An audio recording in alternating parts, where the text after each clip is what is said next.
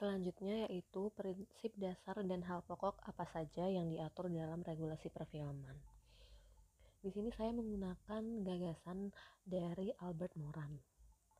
Albert Moran um, melihat film melalui dua perspektif, yaitu film sebagai industri dan film sebagai konteks budaya.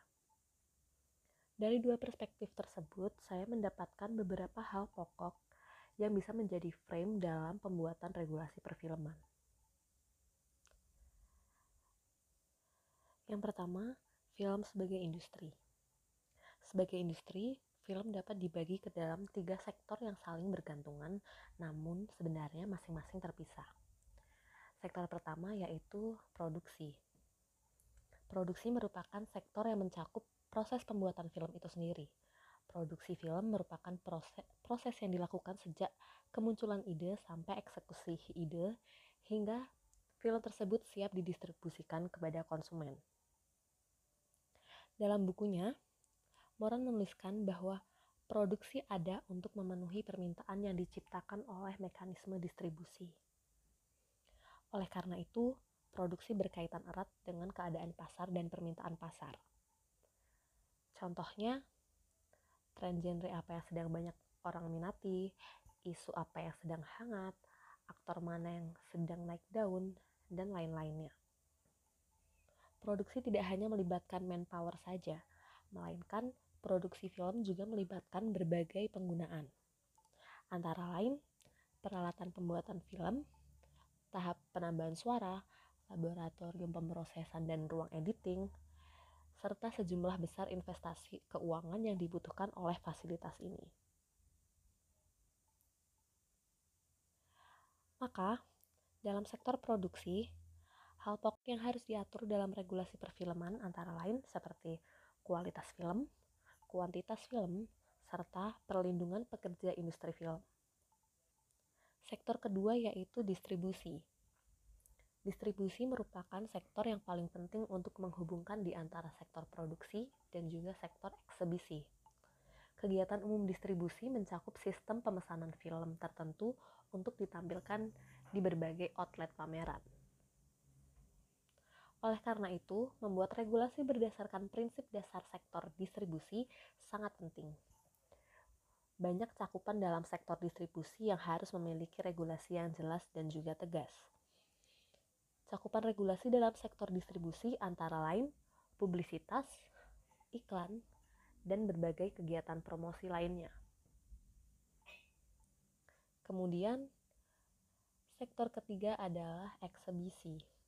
Eksebisi adalah sektor di mana film telah dapat dinikmati oleh audiensnya. Sektor ini memungkinkan suatu film untuk dapat dengan mudah diakses oleh audiensnya. Eksebisi dapat dilakukan eh, melalui bioskop, festival film, aplikasi video on demand, atau kanal-kanal streaming yang lainnya. Cakupan dasar yang menjadi pokok pengaturan regulasi dalam sektor eksebisi antara lain mengenai kanal eksebisi, ekspansi bioskop, pembajakan film, hak cipta, pajak, dan lain-lainnya. Kemudian, perspektif kedua adalah film sebagai konteks budaya. Tidak dapat dipungkiri, meski dianggap sebagai media hiburan, film ternyata memiliki soft power yang sangat berpengaruh dalam konteks budaya. Konten yang dimuat oleh film dapat berisi sebuah ideologi tertentu dan dapat mempengaruhi audiensnya. Melalui film pula, identitas nasional dapat direpresentasikan. Film digunakan sebagai cerminan untuk melihat bagaimana budaya bekerja dalam suatu masyarakat. Hal ini mungkin terjadi karena film khususnya film fiksi, cakupan idenya sangat bebas. Maka, ideologi dan isu apa pun dapat disajikan melalui film. Oleh karena itu, penting untuk membuat regulasi agar film tidak justru menyimpang dan membuat ketidakseimbangan sosial.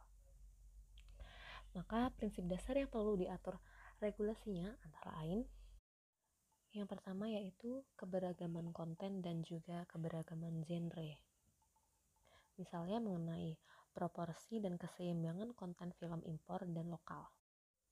Kemudian keberagaman genre perlu diatur regulasinya agar film senantiasa memiliki inovasi dan kreativitas serta persaingan yang sehat. Yang kedua adalah muatan konten. Muatan isi konten suatu film harus diatur regulasinya. Misalnya, muatan film tidak boleh mengandung unsur sara atau film tidak boleh mengandung unsur pornografi. Yang ketiga yaitu aturan pokok mengenai sensor film dan juga rating usia. Aturan mengenai sensor serta kategorisasi usia audiens adalah salah satu pokok yang harus diatur dalam regulasi perfilman. Lalu, yang keempat adalah representasi identitas nasional. Misalnya, mengatur tentang lembaga pemerintah mana saja yang terlibat dalam melindungi dan mendukung film dalam wilayah nasional.